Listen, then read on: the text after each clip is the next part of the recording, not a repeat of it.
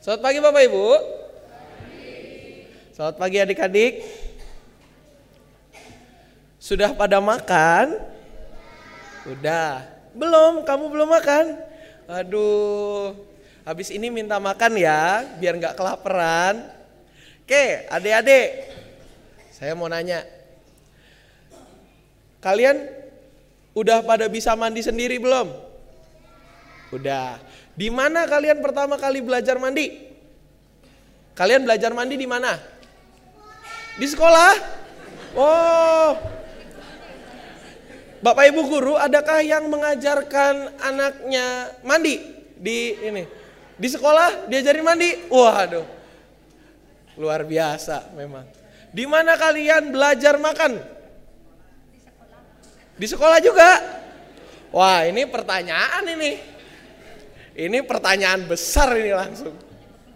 Di mana kalian? Kalian udah pada makan kan? Udah. Kalian pertama kali belajar makan di mana? Ayo ingat-ingat. Di mana?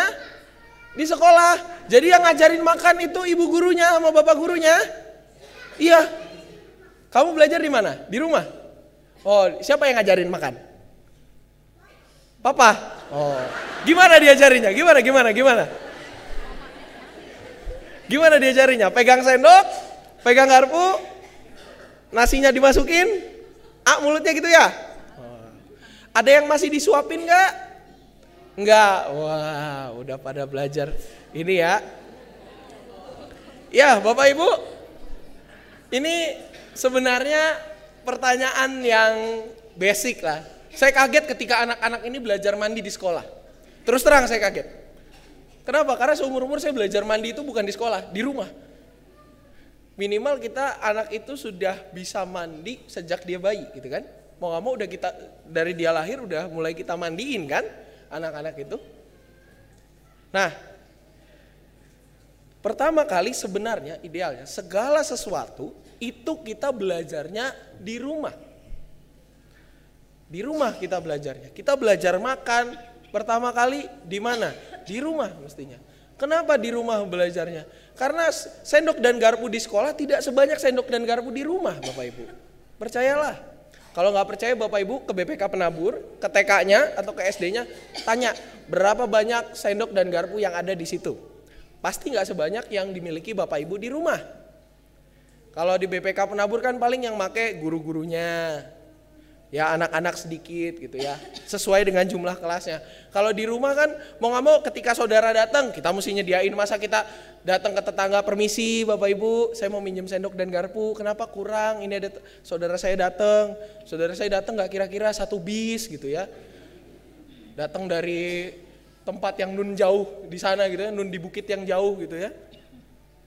Nah bapak ibu serta saudara-saudari sekalian berbicara soal rumah Sebenarnya rumah itu seperti tema kita itu adalah sekolah pertama kita. Kenapa? Karena yang pertama kita belajar hal-hal yang sifatnya pribadi itu semua di rumah.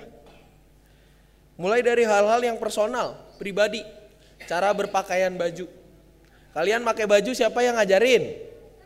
Mama. Nah, diajarinnya di mana? Di rumah. Nah, kan? Pakai baju di rumah. Terus juga bedakan, bedakan pasti nggak diajarin di luar gitu ya. Oke lah kalau zaman sekarang eh, YouTube menyediakan make up artis begitu ya.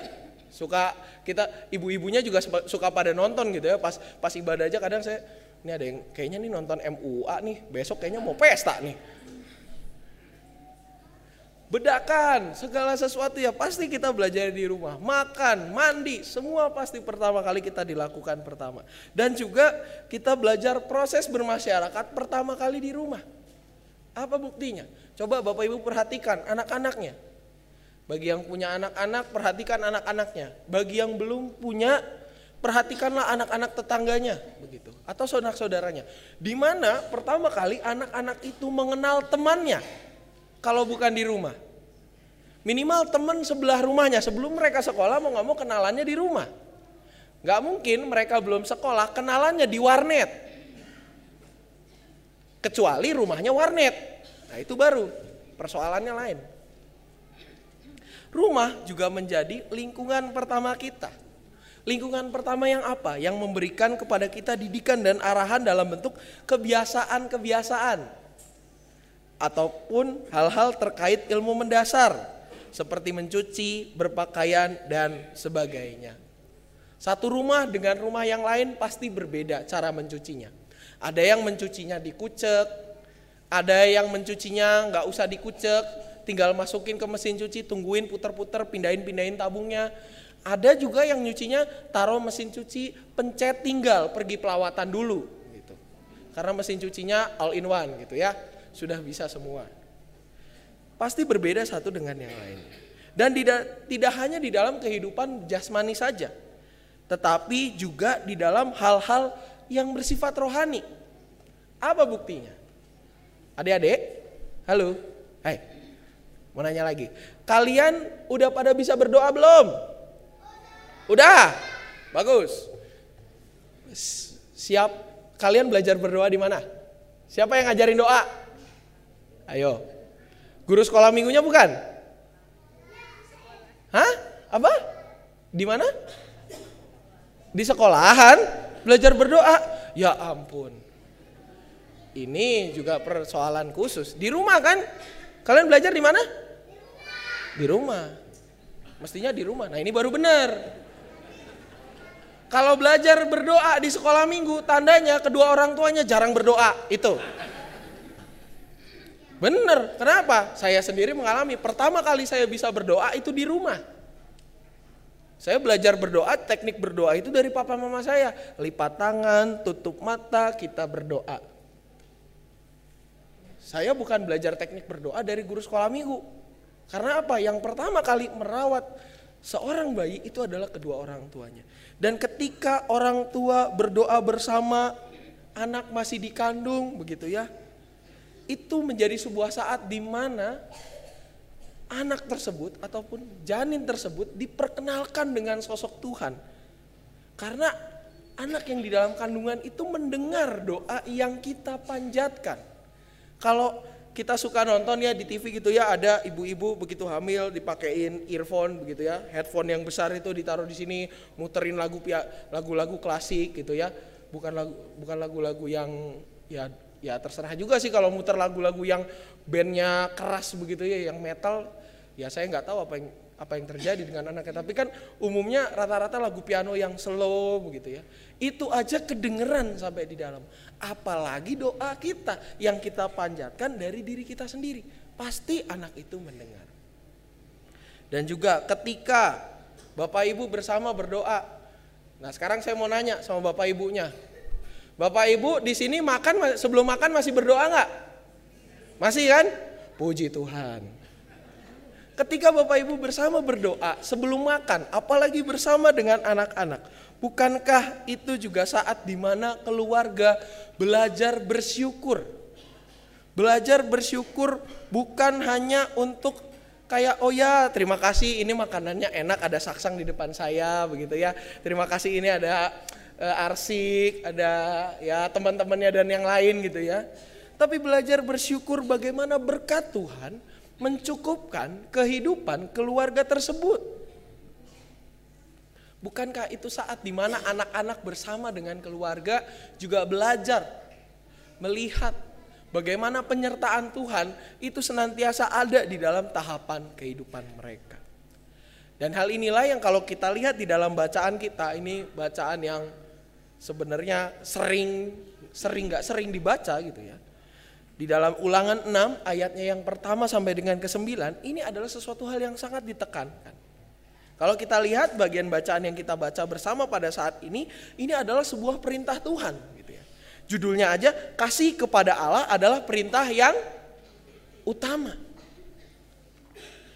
Ini adalah sebuah bacaan yang harus dilakukan oleh bangsa Israel supaya apa? Supaya kalau kita lihat di ayatnya yang kedua, supaya keturunan mereka takut akan Allah seumur hidupnya. Perlu diketahui Bapak Ibu secara bersama kitab ulangan ini dibacakan. Nah, kenapa namanya ulangan gitu ya? Kan uh, ini kok ada kitab namanya ulangan sebelumnya namanya bilangan gitu ya sebelumnya namanya imamat ini kok ada kitab namanya ulangan ulangan apa begitu ya Nah perlu diperhatikan Bapak Ibu ini adalah sebuah kitab yang dibacakan oleh Musa ketika bangsa Israel hendak memasuki tanah perjanjian. Jadi ibarat kata kalau kita sekarang di Cicuruk begitu ya, mungkin Bapak Ibu baru nyampe di Cigombong, dekat-dekat perbatasan. Tanah tanah perjanjiannya Cicuruk, ya baru nyampe sekitaran Cigombong situlah. Dalam perjalanan hendak memasuki bangsa Israel, hendak memasuki tanah perjanjian. Nah, dibacakan oleh siapa? Dibacakan oleh Musa. Adik-adik, mau nanya lagi. Hai hai, hai hai, hai. Musa itu siapa? Tahu nggak? Ayo, Musa itu siapa? Musa siapa Musa? Ada teman kalian yang namanya Musa?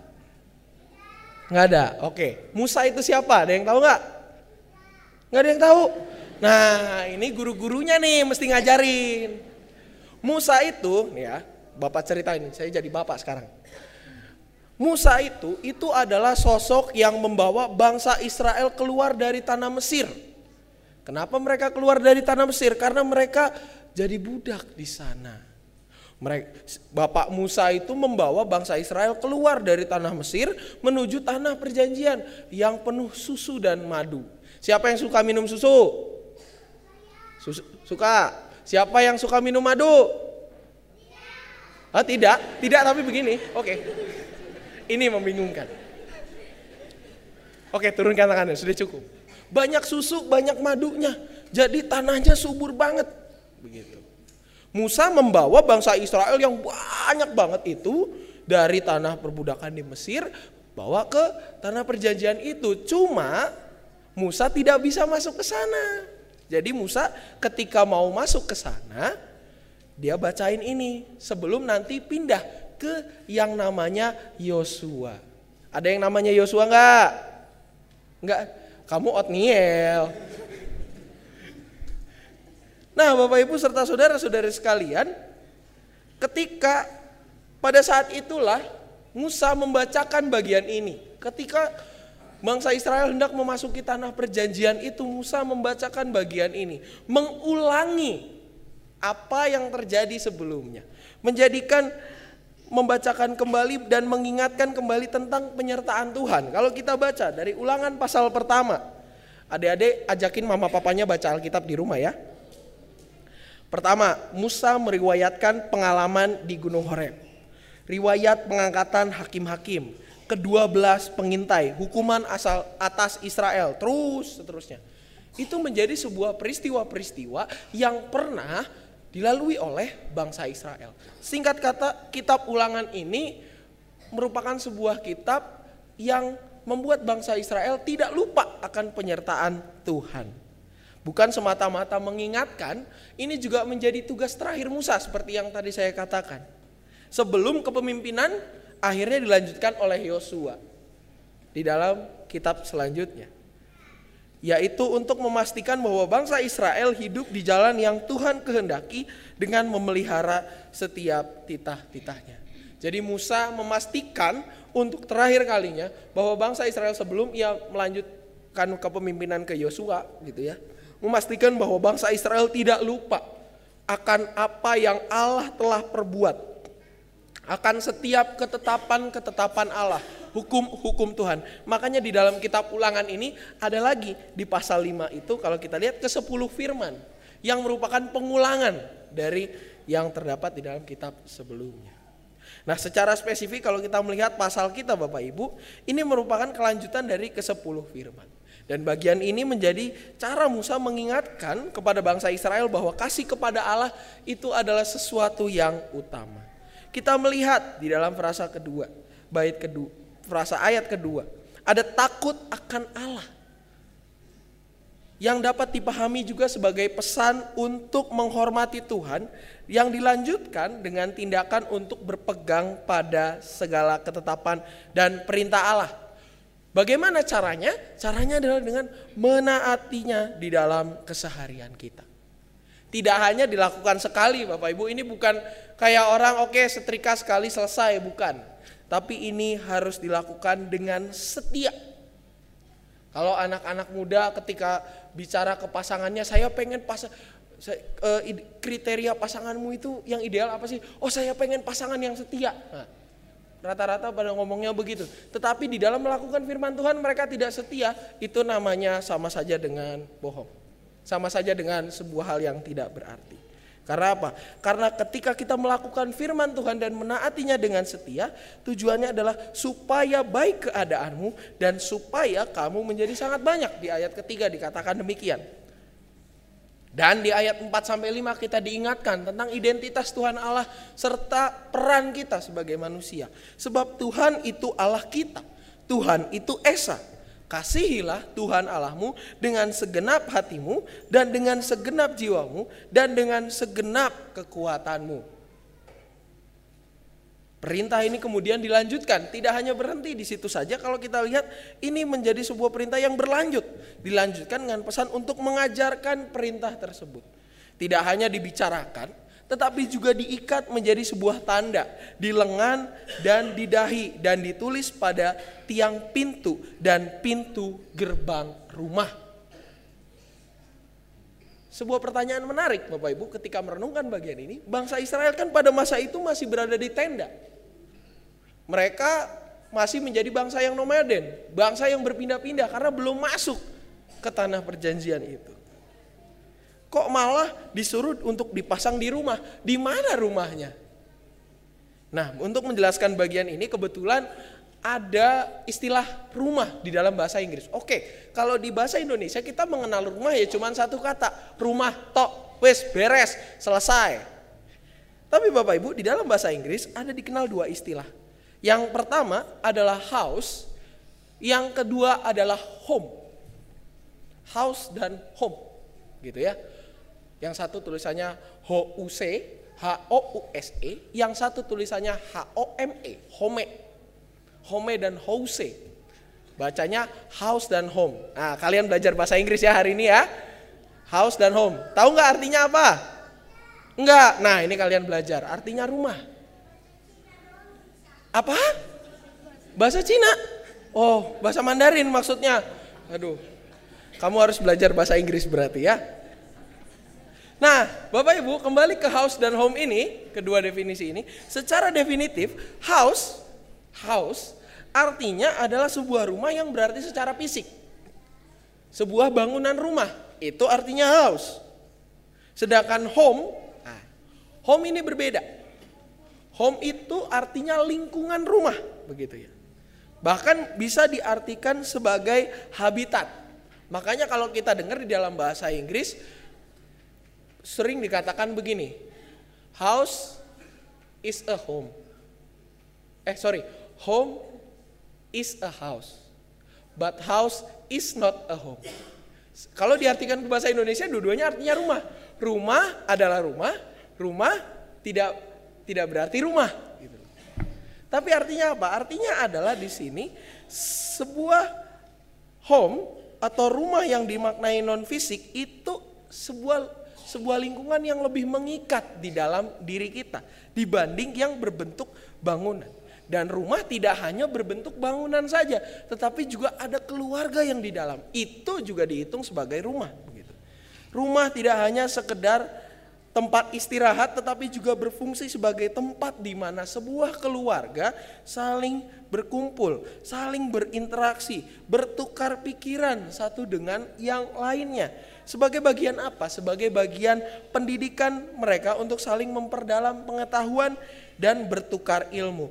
Khususnya bagi anak-anak yang sangat membutuhkan arahan dari kedua orang tuanya ataupun walinya untuk menjalani kehidupan.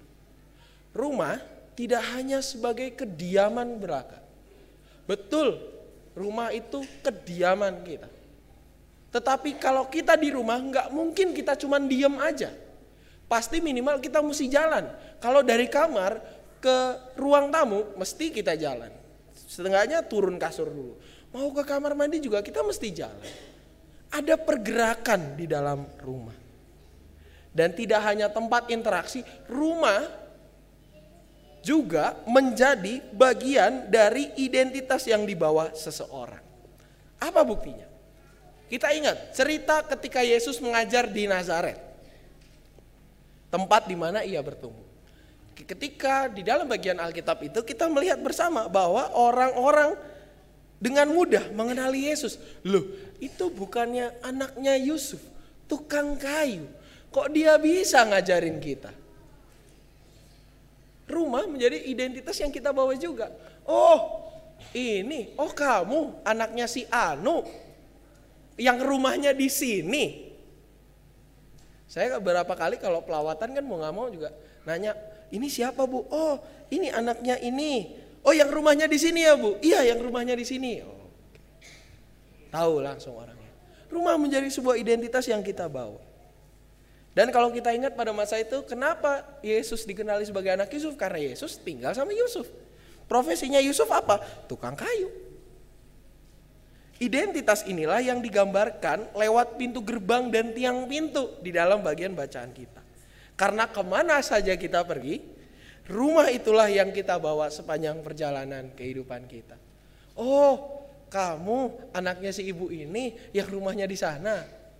Oh, ya saya ingat, saya pernah ketemu kamu, rumahmu yang di sini kan? Kamu anaknya papa dan mama, papa mamamu ini kan? adikmu ini kan, kakakmu ini kan, saudaramu ini kan, dan lain-lain sebagainya.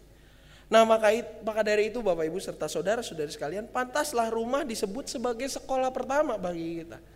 Sebab di sanalah kita pertama kali mendapatkan pendidikan tentang kehidupan yang menuntun kita kepada janji dan perintah Allah. Suatu hal yang dibicarakan dan diulang-ulang di dalam pertemuan keluarga ada relasi di mana orang tua menjadi guru yang diteladani oleh para muridnya yaitu anak-anak mereka. Sebuah peribahasa mengatakan buah jatuh tidak jauh dari pohonnya. Anak-anak jatuh ataupun tidak akan jauh daripada orang tuanya. Orang tua menjadi guru pertama. Dan apakah ketika berbicara juga pendidikan rohani di rumah, apakah peran ini bisa digantikan oleh guru sekolah minggu? Tentu saja jawabannya enggak. Kenapa? Karena guru sekolah minggu ketemu anak-anak cuma seminggu sekali. Dari tujuh hari dalam seminggu, guru sekolah minggu ketemu anak-anak paling cuma satu jam kurang. Sedangkan sisanya enam hari ditambah beberapa puluh jam yang lain, yang ketemu bapak ibu sekalian. Kalau berbicara soal sekolah, apakah peran guru les bisa menggantikan orang tua yang membimbing anaknya untuk mengerjakan pekerjaan rumah? Jawabannya enggak. Kenapa? Karena banyak kan PR dikerjain sama guru lesnya. Pekerjaan rumah adalah sebuah media di mana orang tua bersama dengan anak saling mengetahui begitu. Oh pelajaranmu udah sampai sini, ini caranya ini, di mana anak dan orang tua itu diajak untuk bekerja sama, sama-sama memperdalam pengetahuan. Saya yakin dan percaya Bapak Ibu serta saudara-saudara sekalian sudah lupa pelajaran kelas 1 SD atau pelajaran waktu anak TK. PR menjadi media yang mengingatkan kita akan hal-hal tersebut. Juga kalau berbicara lagi soal kelakuan, apakah seorang pendeta atau calon pendeta punya kemampuan mumpuni untuk merubah kelakuan anak bapak dan ibu ketika ketemunya cuma di bawah satu jam? Jawabannya enggak. Pendeta ataupun calon pendeta mampu memberikan arahan. Tetapi sisanya yang melakukan adalah bapak ibu serta saudara-saudari sekalian. Karena yang ketemu tiap hari ya bapak ibu semua. Bukan saya, bukan majelis jemaat, bukan yang lain. anak tidak hanya dibentuk oleh lembaga pendidikan yang ada di luar rumah, tetapi anak juga dibentuk oleh perlakuan orang tua ataupun wali yang merawatnya. Karena sebagian besar bisa 80 sampai 90% waktu mereka dihabiskan bersama Bapak Ibu sekalian. Bukan dengan saya, bukan dengan majelis jemaat, bukan dengan guru di sekolah minggu ataupun guru di sekolah, tetapi dengan Bapak Ibu serta saudara-saudari sekalian. Maka dari itu perenungan kita hari ini Bapak Ibu mengingatkan kepada kita makna rumah yang sesungguhnya. Bukan sekedar menjadi tempat istirahat, tempat di mana kita bisa tidur, ngopi, air dingin, air panas mandinya, atau mungkin mandinya dengan pancuran lima penjuru, bukan. Tetapi rumah menjadi tempat di mana anak-anak, bahkan diri setiap kita dididik dan diajar untuk mengenal kasih Allah. Rumah menjadi tempat di mana setiap kita bersama-sama merenungkan firman Tuhan dan menyekolahkan diri kita. Sebab sejatinya manusia adalah sosok yang senantiasa belajar. Manusia adalah makhluk pembelajar Kapan dia berhenti belajar? Ketika Tuhan memanggilnya pulang. Baru kita berhenti belajar di situ. Selama kita masih diberikan kesempatan, kita harus terus mengolah diri. Harus terus mengolah dan mengupayakan yang terbaik. Mengembangkan diri kita. Layaknya di dalam Alkitab kita, orang yang diberikan lima dan dua talenta. Rumah menjadi tempat di mana setiap anggota keluarga mengulangi dan membicarakan firman Tuhan siang dan malam. Sebagai upaya kita untuk mengingat dan melakukan segala firman itu di dalam kehidupan kita. Rumah bukanlah sebuah hotel. Melainkan sebuah sekolah. Kalau sebuah hotel kita cuma masuk, istirahat, mandi, besok pagi check out, beres. Tapi kalau sebuah sekolah kita pulang, masuk, kita belajar, ada interaksi, kita bersama-sama dengan teman-teman satu kelas kita, saling berteman satu dengan yang lain, saling melihat juga satu dengan yang lain. Dan rumah adalah sebuah sekolah. Sebab Allah hadir dan mendidik setiap anak-anaknya di dalam rumah yang bersekutu untuk memuliakannya. Dan kiranya Tuhan senantiasa memberkati rumah-rumah kita memberkati keluarga di mana kita berada, supaya kita dimampukan untuk mendidik anak-anak yang Tuhan percayakan kepada kita sebagai bagian dari perjalanan kehidupan kita. Kiranya Tuhan menolong dan memampukan kita. Amin. Satu bagi kita sekalian.